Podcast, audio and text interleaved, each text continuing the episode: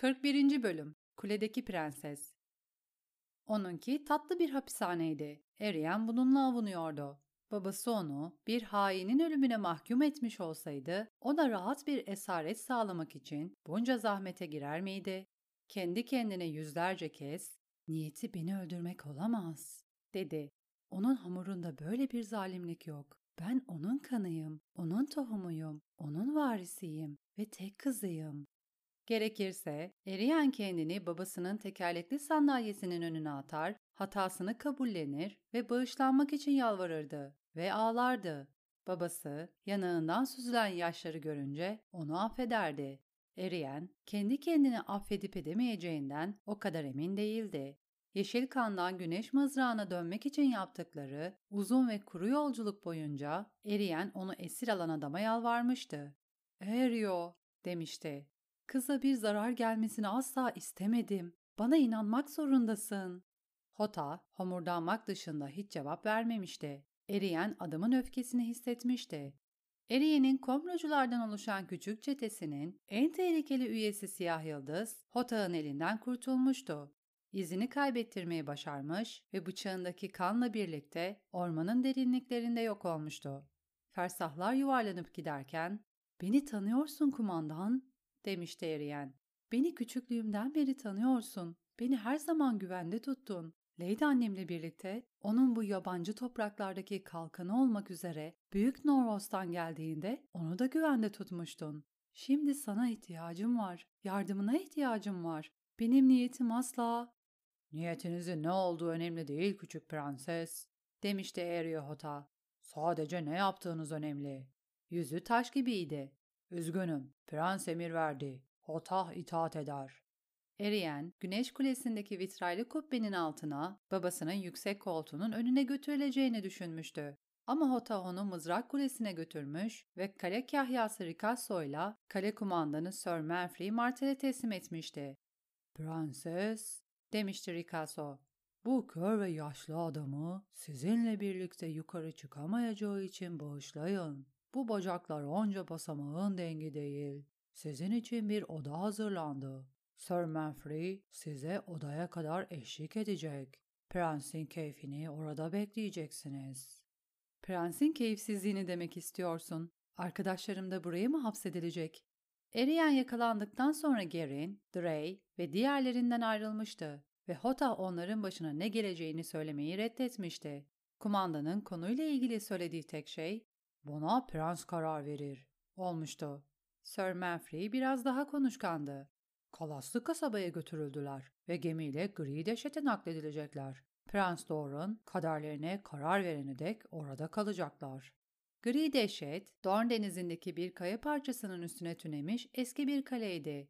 En aşağılık suçluların çürümek ve ölmek için gönderildikleri kasvetli ve dehşet verici bir hapishaneydi. Babamın niyeti onları öldürmek mi? Eriyen buna inanamazdı. Ne yaptılarsa beni sevdikleri için yaptılar. Eğer babam kan dökmek zorundaysa dökülen benim kanım olmalı.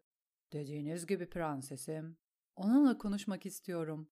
O da isteyebileceğinizi düşünmüştü. Sir Manfrey, Eriyen'i kolundan tutmuş ve basamaklardan yukarı yürütmüştü. Yukarı ve daha yukarı. Sonunda prensesin nefesi kesilmişti. Mızrak kulesinin yüksekliği 50 metreydi ve Eriyen'in hücresi hemen hemen en tepedeydi. Eriyen, önünden geçtiği her kapıya uzun uzun bakmış ve kum yılanlarından birinin içeride kilitli olup olmadığını merak etmişti. Kendi kapısı kapatılıp sürgülendiğinde prenses yeni evini keşfetmişti. Hücresi geniş ve havadardı. Konfordan yoksun değildi. Yerde mir halıları, içmek için kırmızı şarap, okumak için kitaplar vardı. Bir köşede fil dişinden ve oniksten oyulmuş taşları olan süslü bir Sivas masası duruyordu. Ama Eriyen oyunu oynamak istese bile oynayacak kimse yoktu. Uyumak için kuş tüyü bir yatak ve ihtiyaç gidermek için mermer oturaklı bir tuvalet odası vardı. Bu yükseklikte manzara olağanüstüydü. Pencerelerden biri doğuya açılıyordu. Eriyen, güneşin denizden doğuşunu seyredebilirdi. Keşif, bir çift sandaletin bağcıklarını bağlamaktan daha az vakit almıştı. Ama hiç değilse prensesin gözyaşlarını bir süre için uzak tutmuştu. Eriyen bir su çanağı ve soğuk suyla dolu bir sürahi bulmuş ve elini yüzünü yıkamıştı. Ama kendini kederinden arındırması mümkün değildi. Eris diye düşünmüştü. Benim beyaz şövalyem. Gözleri yaşla dolmuştu ve prenses birdenbire ağlamaya başlamıştı. Bütün vücudu hıçkırıklarla sarsılmıştı. Hotağın baltasının Eris'in etini ve kemiğini parçalayışını ve beyaz şövalyenin başının havada fırıl fırıl dönüşünü hatırlamıştı. Bunu neden yaptın? Neden hayatını bir kenara attın? Sana bunu yapmanı söylememiştim. Bunu asla istememiştim. Benim tek istediğim. Eriyen o gece ağlayarak uyumuştu. Son değilse de ilk kez. Rüyasında bile huzur bulamamıştı. Rüyasında Eris o kartı görmüştü. Eris onu okşamış, ona gülümsemiş, onu sevdiğini söylemişti. Ama bunları yaparken bedeninde oklar vardı. Yaraları kana alıyor ve beyazlarını kırmızıya boyuyordu. Prensesin bir yanı bunun bir rüya olduğunu o anda bile biliyordu. Prenses kendi kendine güneş doğduğunda bütün bunlar yok olacak demişti. Ama güneş doğduğunda o hala hücresindeydi. Sir Eris hala ölüydü ve Mirsella. Bunu asla istemedim. Asla. Kıza zarar gelmesini istemedim. Benim tek istediğim onun kraliçe olmasıydı. Eğer ihanete uğramasaydık. Biri söyledi, demişti Ota. Bunu düşünmek prensesi hala öfkelendiriyordu. Eriyen o öfkeye tutunmuştu. Kalbindeki ateşi o öfkeyle besliyordu. Öfke gözyaşından iyiydi, kederden iyiydi, suçluluk duygusundan iyiydi. Biri söylemişti, Eriye'nin güvendiği biri. O kart bu yüzden ölmüştü. Kumandanın baltasıyla olduğu kadar bir hainin fısıltısıyla katledilmişti. Mirsella'nın yüzüne süzülen kan da o hainin marifetiydi. Biri söylemişti, Eriye'nin sevdiği biri. Bu, darbelerin en zalimiydi. Yatağın ayak ucunda kendi kıyafetleriyle dolu ahşap bir sandık buldu.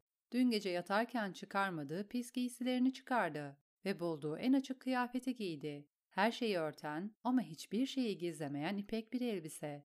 Prens Doran ona bir çocukmuş gibi davranabilirdi ama prenses bir çocuk gibi giyinmeyecekti. Prens Doran, Mirselia'yı kaçırdığı için Eriyen'i cezalandırmaya geldiğinde bu kıyafet onu çok rahatsız edecekti. Eriyen buna güveniyordu. Eğer ben kıvranıp ağlamak zorundaysam bırak o da rahatsız olsun. Eriyen o gün babasını görmeyi bekliyordu. Ama kapı nihayet açıldığında gelenlerin öğle yemeği getiren hizmetçiler olduğunu gördü. Babamı ne zaman görebilirim? diye sordu prenses. Hizmetçiler cevap vermedi. Limon ve balla kızartılmış oğlak, kuru üzüm, soğan, mantar ve acı ejderha biberiyle doldurulmuş üzüm yaprakları getirmişlerdi. Aç değilim, dedi Eriyen. Arkadaşları gri dehşete giderken peksimet ve tuzlu et yiyecekti. Bunları götürün ve bana Prens Doran'ı getirin. Ama hizmetçiler yemeği bıraktı ve prens gelmedi. Bir süre sonra Eriyen açlığına yenildi ve oturup yemeği yedi. Yemek bittiğinde Eriyen'in yapacağı hiçbir şey yoktu. Kulesini turladı. İki kez, üç kez ve üç kez daha üç kez. Sıvas masasının yanına oturdu. Bir fili tembelce hareket ettirdi. Pencere sekisine büzüşüp bir kitap okumaya çalıştı. Sonunda kelimeler bulanıklaştı ve prenses yine ağladığını fark etti. Eris, tatlım, benim beyaz şövalyem. Neden yaptın? Teslim olmalıydın. Sana söylemeye çalıştım ama kelimeler boğazıma takıldı. Seni yiğit aptal, ölmeni istemedim. Ve Mirsella, ah tanrılar merhamet edin, o küçük kız. Sonunda tekrar yatağa girdi. Dünya kararmıştı ve uyumaktan başka yapacak bir şey yoktu.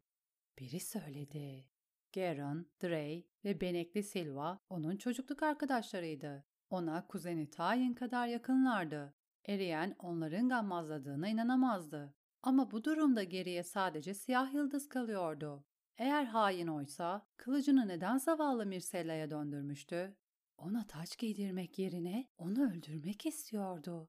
Bu kadarını köpük taşta söylemişti. İstediğim savaşı bu şekilde elde edeceğimi söylemişti.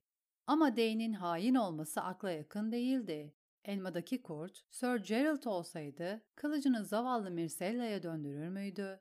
Biri söyledi. Sir olabilir miydi? Beyaz şövalyenin suçluluk duygusu şehvetine galip mi gelmişti? Eris, Myrcella'yı Eriyen'i sevdiğinden daha çok sevmiş ve eski prensesine olan ihanetinin kefaretini yeni prensesine de ihanet ederek mi ödemişti? Yaptığı şeyden utanç duymuş ve onursuzluğuyla yüzleşmek için yaşamaktansa hayatını yeşil kana atmayı mı tercih etmişti? Biri söyledi. Babası onu görmek için geldiğinde eriyen o hainin kim olduğunu öğrenecekti.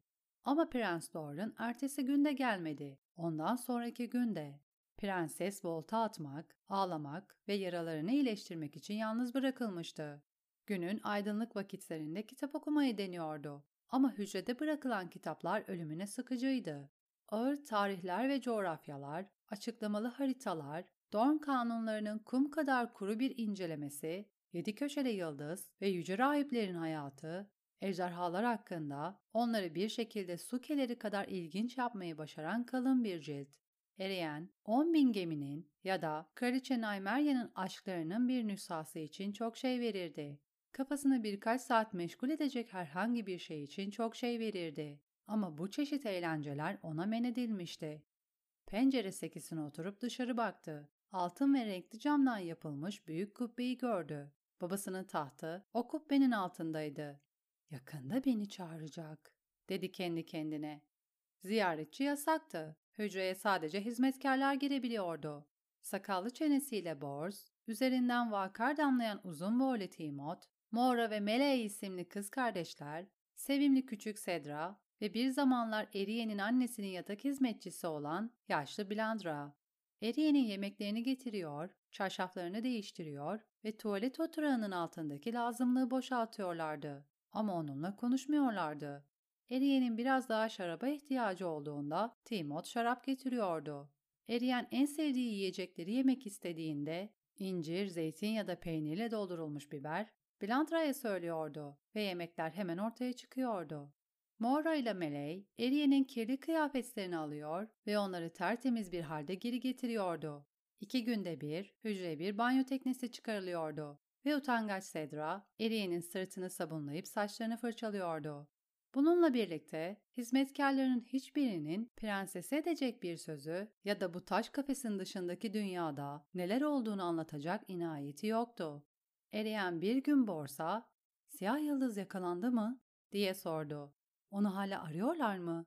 Adam yalnızca arkasını döndü ve uzaklaştı. Sağır mı oldun? diye bağırdı eriyen.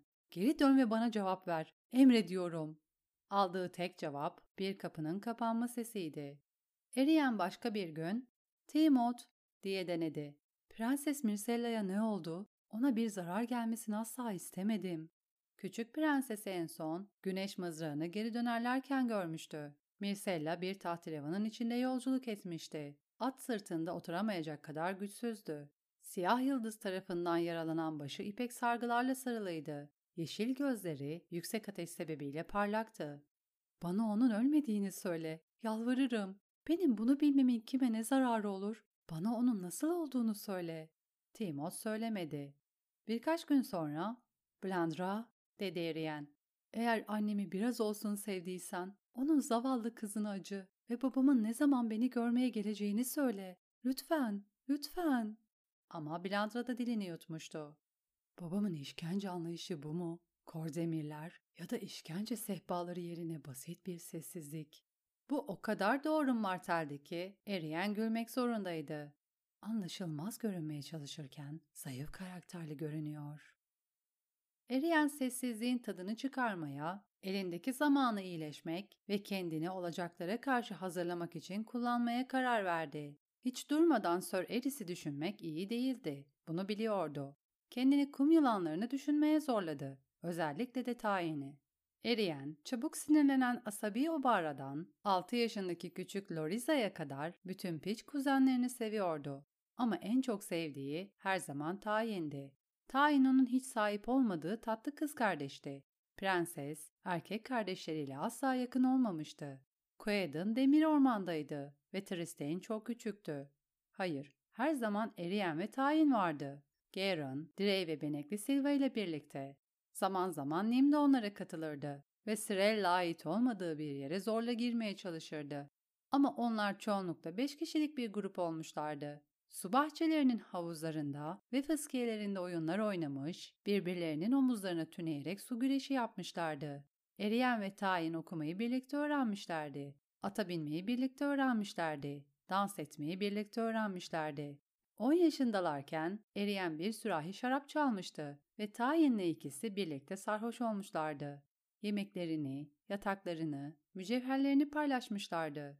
İlk erkeklerini de paylaşacaklardı. Ama Drey fazla heyecanlanmış ve Tayin onun aletine dokunduğu anda kızın parmaklarını fışkırtmıştı. Tayin'in elleri çok tehlikeli. Bu anı Eriyen'i gülümsetti. Prenses, kuzenlerini düşündükçe onları daha çok özledi. Bütün bildiğim hemen altımda olabilirler. Eriyen o gece sandaletinin topuğuyla zemine vurmayı denedi. Kimse cevap vermeyince bir pencereden dışarı sarktı ve aşağı baktı. Aşağıda diğer pencereleri görebiliyordu. Onun pencerelerinden daha küçüklerdi. Bazıları bir ok deliği kadardı. Tayin diye seslendi. Tayin, orada mısın? Obara, Nim, beni duyabiliyor musunuz? Elaria, kimse yok mu? Tayin. Gecenin yarısını pencereden sarkarak geçirdi. Boğazı yırtılana kadar bağırdı ama kimse cevap vermedi. Bu sessizlik onu anlatamayacağı kadar çok korkuttu. Eğer kum yılanları mızrak kulesine hapsedilmiş olsalardı, onun sesini mutlaka duyarlardı. Neden cevap vermediler? Eğer babam onlara bir şey yaptıysa onu asla affetmem. Asla. Aradan 15 gün geçtiğinde prensesin sabrı kağıt kadar incelmişti. Eriyen en buyurgan sesiyle ''Derhal babamla görüşeceğim.'' dedi Borsa. ''Beni ona götüreceksin.'' Bors onu babasına götürmedi. ''Prensi görmek için hazırım.'' dedi Timot'a. Timot onu hiç duymamış gibi arkasına dönüp gitti. Ertesi sabah kapı açıldığında eriyen kapının yanında bekliyordu. Blandra'yı itip kadının elindeki baharatlı yumurta tabağını duvara göndererek dışarı koştu. Ama daha 3 metre gidemeden muhafızlara yakalandı. Eriyen onları da tanıyordu ama onlar da Eriyen'in yakarışlarına sağırdı. Çığlık atıp debelenen prensesi sürükleyerek hücreye geri götürdüler. Eriyen daha kurnaz olması gerektiğine karar verdi. Sedra onun en iyi umuduydu. Genç, saf ve kolay aldanır bir kızdı. Prensesin hatırladığı kadarıyla Garen bir keresinde Sedra ile yattığını söyleyip böbürlenmişti. Bir sonraki banyo gününde Sedra onun omuzlarını sabunlarken eriyen havadan sudan konuşmaya başladı. Benimle konuşmamak için emir aldığını biliyorum, dedi. Ama kimse bana seninle konuşamayacağımı söylemedi. Günün sıcağından, dün gece akşam yemeğinde ne yediğinden, zavallı Blandra'nın ne kadar yaşlandığından bahsetti. Prens Oberyn, savunmasız kalmamaları için kendi kızlarının hepsini silahlandırmış ama Eriyen Martel'in kurnazlıktan başka silahı yoktu. Prenses gülümsedi, büyüledi ve Sedra'dan ne bir kelime ne de bir baş işareti talep etti. Ertesi gün akşam yemeğinde Sedra yemek servisi yaparken Eriyen yine gevezelik etmeye başladı. Bu sefer konuyu Garen'a getirdi. Sedra, Garen'ın adını duyunca utangaç gözlerle ona baktı. Az kalsın doldurduğu şarap kadehini taşıracaktı. İşler böyle yürüyecek demek, diye düşündü eriyen. Bir sonraki banyosunda tutsak arkadaşlarından bahsetti. Bilhassa Garen'dan. En çok onun için endişeleniyorum, dedi hizmetçi kıza. Öksüzler özgür ruhludur. Gönüllerince dolaşmak için yaşarlar. Garen'ın güneş ışığına ve temiz havaya ihtiyacı var. Eğer onu nemli bir taş hücreye kapatırlarsa Garen nasıl hayatta kalır? Gri dehşete bir yıl bile dayanamaz. Sedra cevap vermedi ama eriyen sudan çıkarken kızın yüzü bembeyazdı. Sedra elindeki süngeri öyle sıkı tutuyordu ki yerdeki mir halısının üstüne sabun damlıyordu. Buna rağmen prensesin kızı kazanması için dört gün ve iki banyo daha geçmesi gerekti. Eriyen, ölmeden önce son bir kez özgürlüğün tadını almak isteyen ve bu yüzden kendisini hücresinin penceresinden aşağı atan Garen'ın canlı bir resmini çizdikten sonra ''Lütfen'' diye fısıldadı kız. ''Ona yardım edin. Lütfen ölmesine izin vermeyin.'' ''Burada kilitli olduğum sürece hiçbir şey yapamam.'' diye geri fısıldadı Eriyen. ''Babam benimle görüşmüyor. Garen'ı kurtarabilecek tek kişi sensin. Onu seviyor musun?'' Evet, diye fısıldadı Sedra kızararak. Ama nasıl yardım edebilirim? Benim için dışarı bir mektup çıkarabilirsin, dedi prenses. Bunu yapar mısın? Bu riski alır mısın? Garen için. Sedra'nın gözleri büyüdü. Başını salladı. Bir zafer kazanmışçasına bir kuzgunum var diye düşündü eriyen. Ama onu kime göndereceğim? Prens Doran'ın ağından kaçmayı başaran tek komplocu siyah yıldızdı. Ama Sir Gerald şimdiye kadar çoktan yakalanmış olabilirdi. Eğer yakalanmadıysa Dorn'a kaçtığı kesindi. Eriye'nin sonraki düşüncesi Garen'ın annesi ve Yeşilkan'ın öksüzleriydi. Hayır, onlar olmaz. Güçlü birine ulaşmalıyım. Bizim komplomuzda yeri olmayan ama bizimle aynı duyguları paylaşan birine. Kendi annesine yalvarmayı düşündü ama Lady Mollaria Norvos'taydı. Üstelik Prens Doran karısını yıllardır dinlemiyordu. Annem de olmaz. Bir lorda ihtiyacım var. Babamın gözünü korkutup beni serbest bırakmasını sağlayacak büyük bir lorda. Dornlu Lords'ların en kudretlisi, Asilkan, Demir Ormanı Lordu ve Taş Yol Muhafızı Anders Ironwood'du. Ama Eriyen, kardeşi Quaida'nın vasiliğini yapmayan bir adamdan yardım istemesi gerektiğini biliyordu. Hayır. Drake'in kardeşi Sir Deazildalt bir zamanlar Eriyen'le evlenmek istemişti. Ama prensine karşı çıkamayacak kadar vazifeşinas bir adamdı. Bunun yanı sıra Limon Ormanı Şövalyesi önemsiz bir lordun gözünü korkutabilirdi. Fakat Storm Prensini etkileyecek kadar kuvvetli değildi. Hayır. Aynı şey Benekli Silva'nın babası için de geçerliydi. Hayır. Sonunda eriyen, iki gerçek umudu olduğuna karar verdi. Cehennem Çukuru Lordu, Harmin Aller ile Yüksek Sema Lordu ve Prens Geçidi Muhafızı Franklin Fowler. Aller'ların yarısı yarı delidir diye başlardı vecize ve diğer yarısı daha beterdir. Ellaria Kum, Lord Harmy'nin nüfusuna kabul ettiği gayrimeşru kızıydı. Ellaria ve çocukları Kum yılanlarıyla birlikte kilit altına alınmıştı. Bu durum Lord Harmy'ni hiddetlendirmiş olmalıydı ve Aller hiddetliyken tehlikeliydi. Belki de aşırı tehlikeli. Prenses daha fazla hayatı tehlikeye atmak istemiyordu. Lord Fowler daha güvenli bir seçim olurdu. İnsanlar ona yaşlı Şahin derdi. Anders, Ironwoods'la yaşlı Şahin hiçbir zaman geçinememişlerdi ve hanedanlarının arasında Nymerya'nın savaşı sırasında Fowler'ların Ironwood yerine Martel'i seçmesiyle başlayan ve bin yıldır devam eden bir kan davası vardı. Ayrıca Fowler ikizleri Lady Neem'in iyi arkadaşlarıydı. Ama yaşlı Şahin bu arkadaşlığa ne kadar değer verirdi? Eriyen gizli mektubunu yazarken günlerce titredi. Bunu size getiren adama yüz gümüş geyik verin diye başladı. Bu ödül mesajın yerine ulaşmasını garanti altına alırdı. Nerede olduğunu yazdı ve kurtarılmak için yalvardı. Beni bu hücreden çıkaracak olan adam evlenmeye karar verdiğimde mutlaka hatırlanacak. Bunu okuyan şövalyeler koşarak gelir. Eğer Prens Doran onu haklarından ve mirasından men etmediyse, Eriyen hala Güneş Mızrağı'nın meşru varisiydi. Onunla evlenecek olan adam bir gün onunla birlikte Dorne'u yönetecekti. Eriyen sadece babasının yıllardır önerdiği gri sakallı adamlardan daha genç bir kurtarıcı gelmesini umut edebilirdi. Babasının son önerisini reddettiğinde dişleri olan bir hayat arkadaşı istiyorum demişti. Şüphe uyandırmamak için parşömen istemedi. Mektubunu yedi köşeli yıldızdan kopardığı bir sayfanın dibine yazdı ve bir sonraki banyo gününde Sedra'nın eline sıkıştırdı. Üç katlı kapının yanında kervanların çöle girmeden önce erzak aldığı bir yer var, dedi kıza. Prens geçidine giden bir yolcu bul. Ona bu mektubu Lord Fowler'ın eline ulaştırırsa yüz gümüş geyik kazanacağını söyle. Tamam. Sedra mektubu korsesinin içine sakladı. Güneş batmadan önce bir yolcu bulacağım prenses.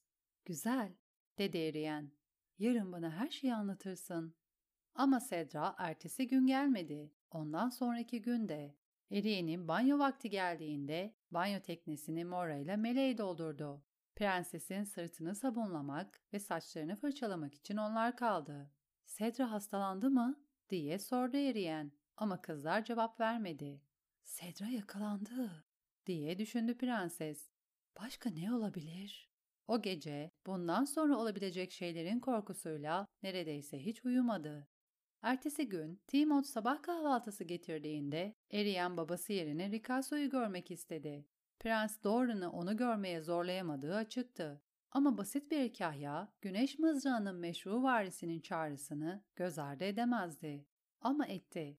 Eriyen, Timot'u bir daha görüşünde, ''Ricasso'ya onu görmek istediğimi söyledin mi?'' diye sordu. ''Ona ihtiyacım olduğunu söyledin mi?'' Timot cevap vermeyi reddedince eriyen bir şarap sürahisi aldı ve şarabı adamın başından aşağı boşalttı. Timot, yüzündeki yaralı gurur maskesiyle üstünden şarap damlar halde odadan çıktı. Babam beni burada çürümeye bıraktı, diye karar verdi prenses. Ya da beni yaşlı ve mide bulandırıcı bir soytarı ile evlendirmeyi planlıyor ve düğüne kadar burada tutmayı düşünüyor. Eriyen Martel bir gün babasının seçeceği büyük bir lordla evleneceğini düşünerek büyümüştü. Prenseslerin görevi buydu. Ona böyle öğretilmişti. Ama prensesin amcası Oberyn evlilik meselesine farklı bir açıdan bakardı. Kızıl Yılan kendi kızlarına eğer evlenecekseniz evlenin demişti. Evlenmeyecekseniz keyfi bulduğunuz yerde tadını çıkarın. Bu dünyada çok az keyif var. Lakin tercihinizi iyi yapın. Kendinizi bir soytarıya ya da bir zalime kaptırırsanız sizi ondan kurtarmam için bana bakmayın. Size bunu kendi kendinize yapabilmeniz için aletler verdim. Prens Oberyn'in piç kızlarına bahşettiği özgürlük, Prens Doran'ın meşru veliahtı tarafından asla paylaşılmamıştı. Eriyen evlenmek zorundaydı. Bunu kabullenmişti. Direğin ve Direğin ağabeyi Liman Ormanı Şövalyesi Deyazial'ın onu istediğini biliyordu. Damien Kum, prensesi babasından isteyecek kadar ileri gitmişti. Fakat Damien gayrimeşru doğmuştu ve Prens Doran kızını bir Dornu ile evlendirmeyi de düşünmüyordu. Arian bunu da kabullenmişti. Bir zamanlar Kral Robert'ın kardeşi Güneş Mızrağı'na gelmişti ve Arian onu baştan çıkarmak için her şeyi yapmıştı. Ama Lord Renly henüz yarı çocuk olan prensesin girişimlerini ateşli değil eğlendirici bulmuştu. Daha sonra Host tırtalı Eriyen'in Nehirova'ya gelmesini ve varisiyle tanışmasını istemişti. Eriyen, Bakire'ye teşekkür mumları yakmıştı. Ama Prens Doran bu daveti geri çevirmişti. Prenses, sakat bacaklı Willis Tyrell'i bile kabul edebilirdi. Ama babası onun yüksek bahçeye gitmesine ve Willis'la tanışmasına izin vermemişti. Eriyen babasına rağmen gitmeye çalışmıştı. Tyne'in yardımıyla. Ama Prens Oberyn onları Waif'te yakalamış ve geri getirmişti. Aynı yıl Prens Doran Eriyen'i Ben Bisbury ile nişanlanmayı denemişti. Adam önemsiz bir lordtu. En az 80 yaşındaydı ve dişsiz olduğu kadar kördü. Bisbury birkaç yıl sonra ölmüştü. Bu Eriyen'i mevcut durumu ile ilgili az da olsa teselli etti. Ölü bir adamla evlenmeye zorlanamazdı. Geçit Lord'u da tekrar evlenmişti. Yani Eriyen ondan da kurtulmuştu. Ama Eldon Estermont hala sağ ve bekar. Lord Rosby ile Lord Grandison da öyle. Grandison'ın lakabı gri sakaldı. Ama Eriyen'in onunla tanıştığı zamanda adamın sakalı kar olmuştu. Grandison, onuruna düzenlenen karşılama ziyafetinde balık servisiyle et servisi arasında uyuyakalmıştı. Drey bunun çok uygun olduğunu söylemişti. Zira adamın armasında uyuyan bir aslan vardı. Garen, Eriyen'e meydan okumuş ve adamın sakalını onu uyandırmadan düğümlemesini istemişti. Ama Eriyen bunu yapmamıştı. Grandison iyi bir adama benziyordu. Estermont'tan daha az huysuz ve Rosby'den daha sıhhatliydi. Bununla birlikte Eriyen onunla asla evlenmeyecekti. Hotah baltasıyla birlikte arkamda dursa bile. Ertesi gün kimse onunla evlenmeye gelmedi. Ondan sonraki günde Seta da dönmedi. Eriyen aynı yöntemi kullanarak Mora ve Melle'yi kazanmaya çalıştı ama beceremedi. Kızlardan birini yalnız yakalasa bir şansı olabilirdi. Ama kardeşler bir aradayken duvar gibiydi. Prenses, bir kızgın demirin dokunuşunu ya da işkence sehpasında geçirilecek bir geceyi hoş karşılayacak duruma gelmişti. Yalnızlık onu delirtecekti. Yaptığım şeyle bir celladın baltasını hak ettim. Ama babam bana bunu bile vermiyor. Beni buraya kapatıp yaşadığımı bile unutmayı tercih ediyor. Eriyen, Üstad Khalid'in Kuedan'ı Dorn veliahtı ilan eden bir bildirge yazıp yazmadığını merak etti. Günler birbirinin peşi sıra geçip gitti. Öyle çok gün geçmişti ki Eriyen kaç zamandır hapis olduğunu hesaplayamıyordu. Gitgide yatakta daha çok vakit geçirmeye başladı. Sonunda sadece tuvalete gitmek için kalkar oldu. Hizmetkarların getirdiği yemekler hiç dokunulmadan soğudu. Eriyen uyudu, uyandı ve tekrar uyudu ama yine de yataktan kalkamayacak kadar yorgundu. Merhamet için anneye, cesaret için savaşçıya dua etti. Sonra biraz daha uyudu. Eski yemekler taze olanlarla değiştirildi ama prenses onları da yemedi. Bir kere kendini bahusus güçlü hissettiğinde bütün yiyecekleri pencereye taşıdı ve avluya attı. Harcadığı güç yüzünden bitkin düştü. Tekrar yatağa girdi ve yarım gün boyunca uyudu. Sonra bir gün sert bir el onu omzundan sarsarak uyandırdı. ''Küçük prenses'' dedi çocukluğundan tanıdığı bir ses. ''Kalkın ve giyinin, prens sizi çağırıyor.'' Eryohotah yatağın yanında duruyordu. Eriyen'in eski dostu ve koruyucusu. Onunla konuşuyordu. Eriyen uykulu bir şekilde gülümsedi. O yaralı ve çizgili yüzü görmek, koyu Norvo saksanlı, pes ve boğuk sesi duymak güzeldi. Sedra'ya ne yaptın? Prens onu su bahçelerine gönderdi, dedi Hota. Size anlatacak. Önce yıkanmalı ve yemek yemelisiniz. Eriyen sefil bir yaratık gibi görünüyor olmalıydı. Yataktan sürünerek çıktı. Bir kedi yavrusu kadar güçsüzdü. Moro ve Meleği banyomu hazırlasın, dedi adama. Timot bana yemek getirsin. Ağır bir şey olmasın. Soğuk et suyu, bir parça ekmek ve meyve. Tamam, dedi Hota. Eriyen daha önce bu kadar tatlı bir ses duymamıştı. Prenses banyo yaptı. Saçlarını fırçaladı. Ona getirilen peynir ve meyveyi küçük lokmalarla yedi. Kumandan onu odanın dışında bekledi. Eriyen midesini yatıştırmak için biraz şarap içti. Korkuyorum diye fark etti. Hayatımda ilk kez babamdan korkuyorum. Bu düşünce onu içtiği şarap burnundan gelene kadar güldürdü. Sıra giyinmeye geldiğinde fil dişi ketenden dikilmiş bir elbise seçti. Elbisenin beden kısmına ve kollarına asma yaprakları ve mor üzümler işlenmişti. Mücevher takmadı. Nezih, mütevazı ve pişman görünmeliyim. Kendimi onun ayaklarına atıp beni affetmesi için yalvarmalıyım. Yoksa bir daha insan sesi duyamayabilirim. Prenses hazır olduğunda akşam karanlığı çökmeye başlamıştı. Eriyen, babasının onunla ilgili verdiği kararı duymak üzere Güneş Kulesi'ne götürüleceğini düşünmüştü. Ama Hota onu Prens Doran'ın çalışma odasına götürdü. Doran Martel bir Sivas masasının arkasında oturuyordu. Kutsu bacaklarını minderli bir ayak iskemlesine uzatmıştı. Onyx'ten yapılmış bir fili kırmızı ve şişkin parmaklarının arasında dolaştırıyordu. Prens, Eriye'nin daha önce hiç şahit olmadığı kadar kötü görünüyordu. Yüzü solgun ve şişti. Eklemleri öyle iltihaplıydı ki onlara bakmak bile Eriye'nin canını yakıyordu. Onu böyle görmek prensesin kalbini şefkatle doldurdu. Ama Eriyen planladığı şeyi yapamadı. Diz çöküp yalvarmayı kendine yediremedi. Baba, dedi. Prens Doran ona bakmak için gözlerini kaldırdığında eriyen babasının siyah gözlerinin acıyla bulutlanmış olduğunu gördü. Gut yüzünden mi? diye merak etti. Yoksa benim yüzümden mi? Prens Doran elindeki pili kenara bırakırken Volantisliler ve anlaşılmaz insanlar diye mırıldandı. Volantis'i bir kez gördüm. Mollario ile ilk karşılaştığım yer olan Norvos'a giderken Çanlar çalıyordu ve basamaklarda ayılar dans ediyordu. Erio o günü hatırlar. Hatırlıyorum, dedi Erio o pes sesiyle. Ayılar dans ediyordu, çanlar çalıyordu. Prensin kıyafetleri kırmızı, altın ve turuncuydu. Leydim bana böyle parlak ışıldayan adamın kim olduğunu sormuştu. Prens Doran belli belirsiz gülümsedi. Bizi yalnız bırak kumandan. Hotah baltasının dibini yere vurdu. Topuğunun üstünde döndü ve odadan çıktı. Baba ve kız yalnız kaldıklarında odana bir Sivas masası koymalarını söyledim, dedi Prens Doran. Kiminle oynayacaktım? Neden bir oyundan bahsediyor? Gut yüzünden aklını mı kaybetti? Kendi kendinle. Bazen en iyisi bir oyunu oynamaya kalkışmadan önce oyunu iyi incelemektir. Oyunu ne kadar iyi biliyorsun Eriyen? Oynayacak kadar iyi.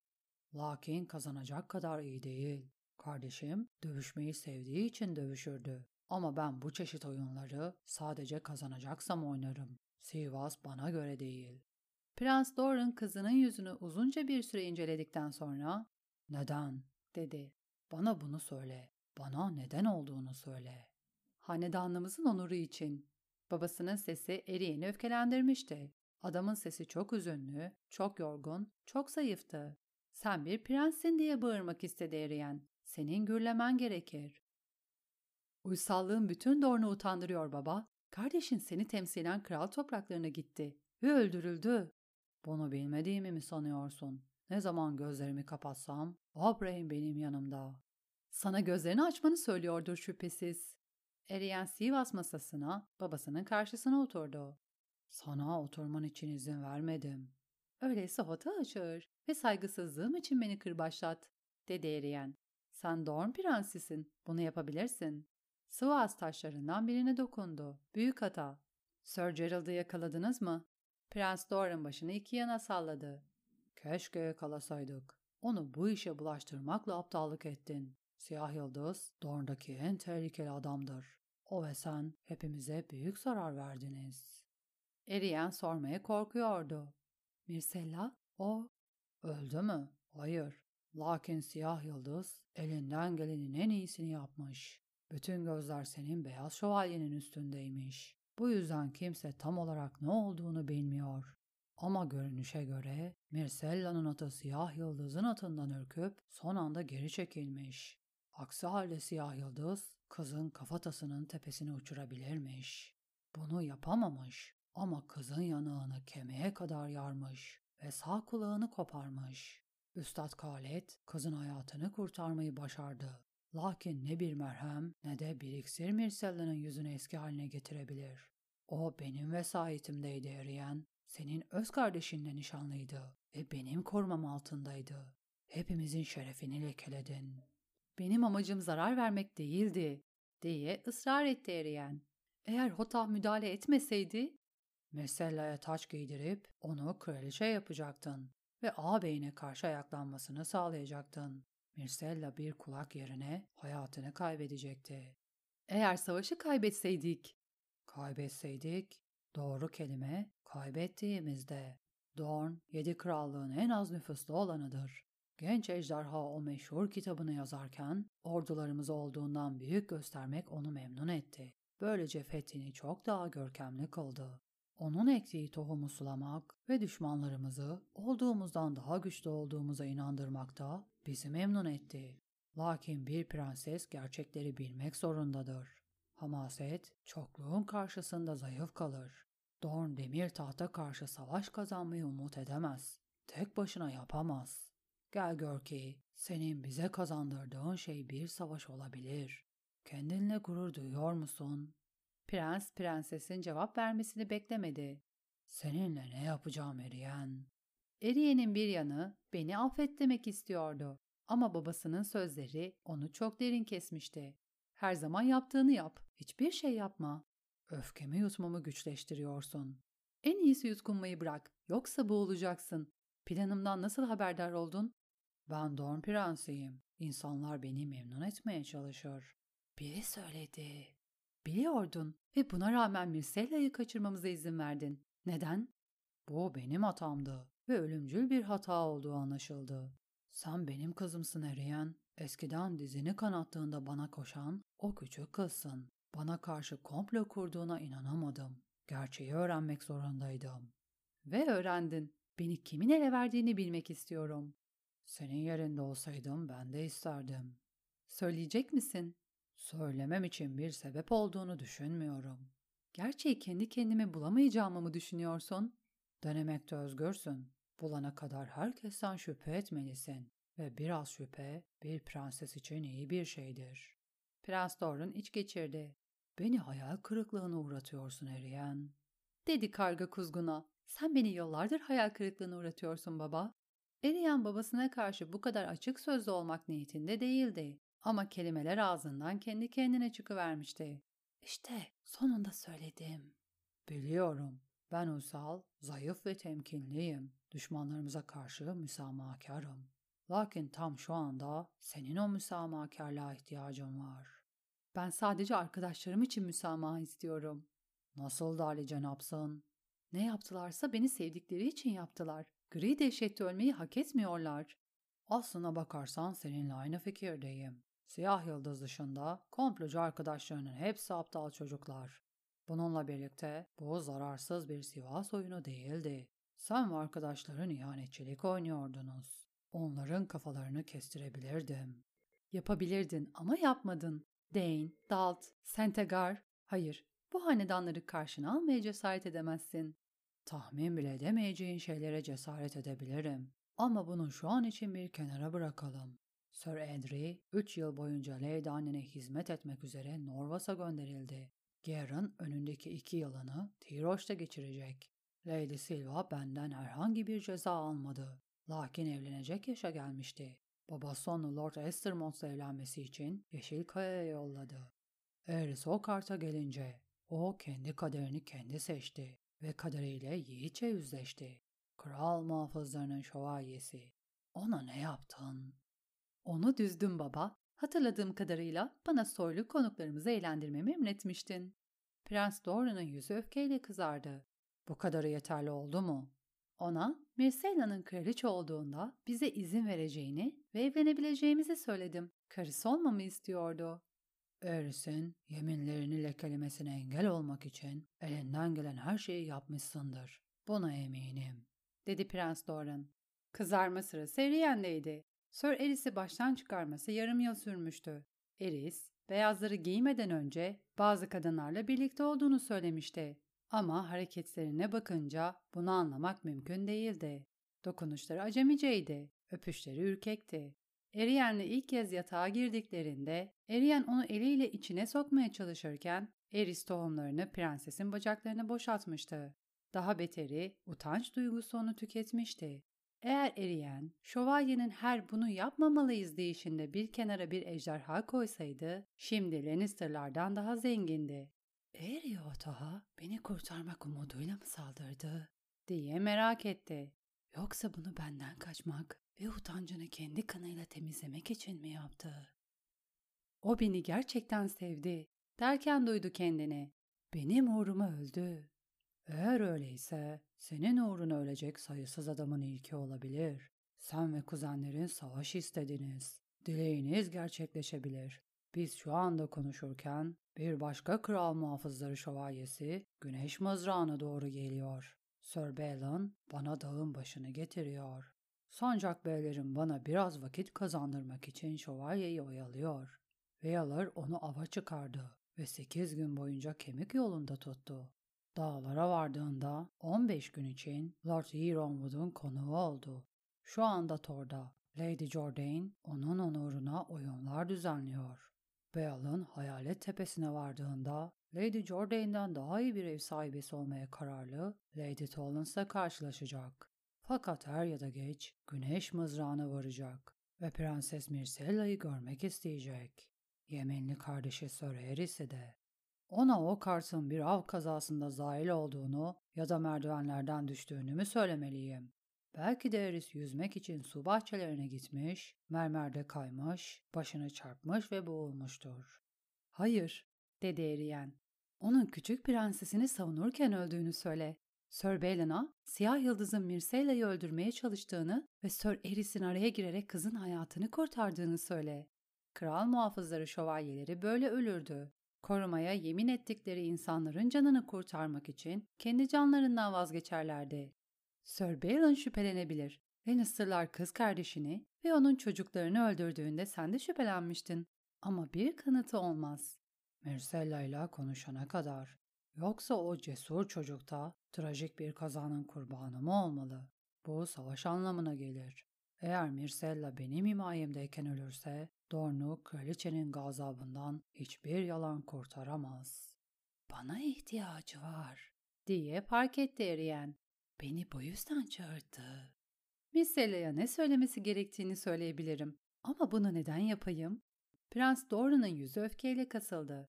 Seni uyarıyorum Eriyen, sabrım tükenmek üzere. Bana karşı mı? Hep aynısın baba. Lord Tywin ve Lannister'lara karşı her daim kutsanmış Baelor'un tahammülüne sahip oldun. Ama kendi kanına karşı hep tahammülsüzdün. Sabırla tahammülü birbirine karıştırıyorsun. Elia ve çocuklarının haberini aldığım günden itibaren Tywin Lannister'ın çöküşü için çalıştım. Onu öldürmeden evvel değer verdiği her şeyi elinden almayı umut ettim. Ama Tywin'in cüce oğlu beni bu zevkten mahrum bıraktı. Onun kendisinin peydahladığı canavarın elinden gelen zalimane bir şekilde öldüğünü bilmek beni az da olsa avutuyor. Lord Tywin şimdi cehennemde oluyor. Eğer senin aptallığın bir savaşa dönüşürse binlerce insan çok yakında ona katılacak. Prens Doran, savaşın bahsi bile ona acı veriyormuşçasına yüzünü buruşturdu. İstediğin şey bu mu? Prenses zorla yola getirilmeyi kabul etmeyecekti. Kuzenlerimin serbest bırakılmasını istiyorum. Amcamın intikamının alınmasını istiyorum. Hakkımı istiyorum. Hakkın? Dorn. Dorn, ben öldükten sonra senin olacak. Benden kurtulmayı bu kadar çok mu istiyorsun? Aynı soruyu ben de sana sorabilirim baba. Sen yıllardır benden kurtulmaya çalışıyorsun. Bu doğru değil. Öyle mi? Kardeşime soralım mı? Tristain. Quaden. Ne olmuş ona? O nerede? Kemik yolunda Lord Huronwood'un ordusuyla birlikte. İyi yalan söylüyorsun baba. Hakkını teslim edeyim. Gözünü bile kırpmadın. Quaden, Lee'se gitti. Bu fikre nereden kapıldın? Bir dost söyledi. Prensesin de sırları olabilirdi. Dostun yalan söylemiş. Kardeşin Lee'se gitmedi. Güneşin, mızrağın ve yedinin üstüne yemin ederim. Eriyen'i kandırmak o kadar kolay değildi. Yoksa Meir mı? Tiroş, Dardeniz'in karşısında bir yerde olduğunu biliyorum. Beni doğum hakkımdan mahrum bırakmak için paralı askerler tutuyor. Prens Doran'ın yüzü karardı.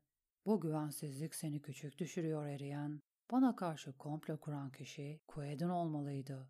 Onu daha çocukken, Dorne'un ihtiyaçlarını anlayamayacak kadar küçükken uzaklara gönderdim. Anders Ironwood ona benden daha çok babalık yaptı. Buna rağmen kardeşim bana her daim sadık kaldı ve itaat etti. Neden etmesin? O senin gözden. Her zaman öyleydi. Senin gibi görünüyor, senin gibi düşünüyor ve sen Dorn'u ona vermek istiyorsun. Sakın inkar etme. Mektubunu okudum. Kelimeler Eriye'nin hafızasında hala ateş kadar parlaktı. Bir gün benim oturduğum yerde sen oturacaksın ve bütün Dorn'a hükmedeceksin yazmıştın. Söyle baba, beni mirasından mahrum bırakmaya ne zaman karar verdin? Quaid'in doğduğu gün mü? Yoksa benim doğduğum gün mü? Benden bu kadar nefret etmeni sağlayacak ne yaptım? Öfkesine rağmen Eriye'nin gözlerinde yaşlar vardı. Senden asla nefret etmedim. Prens Doran'ın sesi parşömen gibi inceydi ve keder doluydu. Eriyen, anlamıyorsun. Bu kelimeleri yazdığını inkar mı ediyorsun? Hayır, o mektubu Quaden'ı Ironwood'a gönderdiğimde yazmıştım. Benim arkamdan onun gelmesini istiyordum. Evet, senin için başka planlarım vardı. Ah, evet, dedi eriyen aşağılama dolu bir tonla. Şu planlar, Giles Rosby, Kör Ben Beesbury, Gri Sakal Grandison. Senin planların onlardı. Babasına cevap hakkı vermedi. Vazifemin Dorn'a bir veliaht vermek olduğunu biliyorum. Bu konuda asla unutkan olmadım. Memnuniyetle evlenirdim. Ama bana önerdiğin adamlar hakaretti. Her biriyle yüzüme tükürdün. Eğer beni biraz olsun sevdiysen bana neden Walder Frey'i önerdin? Çünkü onu reddedeceğini biliyordum. Belli bir yaşa gelmiştin. Senin için bir hayat arkadaşı bulmaya çalışıyormuşum gibi görünmeliydim.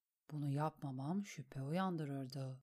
Ama kabul edeceğim bir adam getirmeye cesaret edemezdim. Sen birine söz verilmiştin Eriyen. Söz verilmiştin. Eriyen kuşkulu gözlerle babasına baktı. Ne diyorsun? Bu da başka bir yalan mı? Bana hiçbir şey söylemedin. Anlaşma gizli yapılmıştı. Yeterince büyüdüğün zaman sana söyleyecektim. Reşit olduğunda söylerim diye düşünmüştüm ama... Ben 23 yaşındayım. 7 yıldır yetişkin bir kadınım. Biliyorum. Seni bunca zaman her şeyden bir haber bıraktıysam seni korumak istediğim içindir. Eriyen, senin tabiatın, senin için sır denen şey, Garen'a ve tayin anlatacağın lezzetli bir gece masalından ibaret. Garen sadece öksüzlerin yapabileceği gibi dedikodu yapıyor. Tayinde Obara ve Lady Neem'den hiçbir şey saklamıyor. Eğer bu sırrı bilselerdi, Obara şaraba düşkün ve Lady Neem Fowler ikizlerine çok yakın. Peki Fowler ikizlerinin sır vereceği kişi kim? Bu riski alamazdım. Eri'nin aklı karışmıştı. Söz verilmişim. Ben söz verilmişim. Kim? Ben bunca yıldır kiminle nişanlıyım? Artık önemli değil. O öldü. Eriyen iyice afalladı. Yaşlı adamlar çok narin oluyor. Onu bir kalça kırığı mı öldürdü? Soğuk algınlığı? Gut? Bir kazan erimiş altın. Biz prensler dikkatli planlar yaparız ve tanrılar o planları yerli bir eder. Prens Doran ovuşturulmaktan kızarmış eliyle yorgun bir hareket yaptı. Dorn senin olacak. Sana bu konuda söz veriyorum. Eğer sözlerimin senin için bir anlamı varsa, kardeşin Quaidon çok daha zor bir yolda yürüyecek. Ne yolu? Eriyen kuşkuyla babasına baktı. Ne gizliyorsun? Yedi beni korusun. Sırlardan bıktım. Bana her şeyi anlat baba. Ya da Quaidon'ı veliaht ilan et. Baltasıyla Hota'yı çağır ve kuzenlerimin yanında ölmeme izin ver. Kardeşimin çocuklarına zarar vereceğime inanıyor musun gerçekten? Prens Doran yüzünü buruşturdu. Obara, Nim ve Tain'in özgürlükten başka bir eksikleri yok. Ellaria ve kızları su bahçelerine yerleştirildi. Mutlular. Doğruya gözüyle ağaçlara vurup portakalları yerlere düşürerek etrafta dolaşıyor. Elia ve Obella havuzların kabusu oldular. İç geçirdi. Bir zamanlar sen de havuzlarda oynuyordun. Üstünden çok zaman geçmedi. Senden daha büyük bir kızın omuzlarına çıkıyordun. Sarı saçlı, uzun boylu bir kızdı. Jane Fowler ya da onun kardeşi Jenny Lynn. Eriyen bunu yıllardır düşünmemişti. Ah, bir de Firinna vardı. Saçları kahverengiydi, babası demirciydi. Ama benim gözlem Garen'dı. Garen'ın omuzlarına çıktığımda kimse beni yenemezdi. Nim ve yeşil saçları olan Tiroşlu kız bile. O yeşil saçlı kız yüksek yargıcın kızıydı. Seni onun yerine almak üzere Tiroş'a göndermem gerekiyordu. Yüksek yargıca kadeh taşıyıcı olarak hizmet edecek ve gizlilik içinde nişanlınla tanışacaktın. Lakin annen bir çocuğunu daha uzaklara gönderirsem kendine zarar vereceğini söyledi ve ben ona bunu yapamazdım. Hikayesi gitgide ilginçleşiyor. Quaid'in oraya mı gitti? Yüksek yargıcın yeşil saçlı kızına kur yapmak için Tiroş'a mı gitti? Prens Doran Sivas taşlarından birini aldı. Quaid'in krallık dışında olduğunu nasıl öğrendiğini bilmem gerek. Kardeşin, Kalidus Ironwood, Üstad Kendry ve Lord Ironwood'un en iyi şövalyelerinden üçüyle birlikte uzun, çok tehlikeli ve sonu belirsiz bir yolculuğa çıktı. Kardeşin en büyük arzumuzu gerçekleştirmeye gitti. Eriyen gözlerini kıstı. En büyük arzumuz ne? İntikam. Prens alçak sesle konuşuyordu. Birinin onu dinlemesinden korkuyormuş gibi. Adalet. Prens Doran, Onyx ejderhayı Eriyen'in avcunun içine bastırdı ve fısıldadı. Ateş ve kan.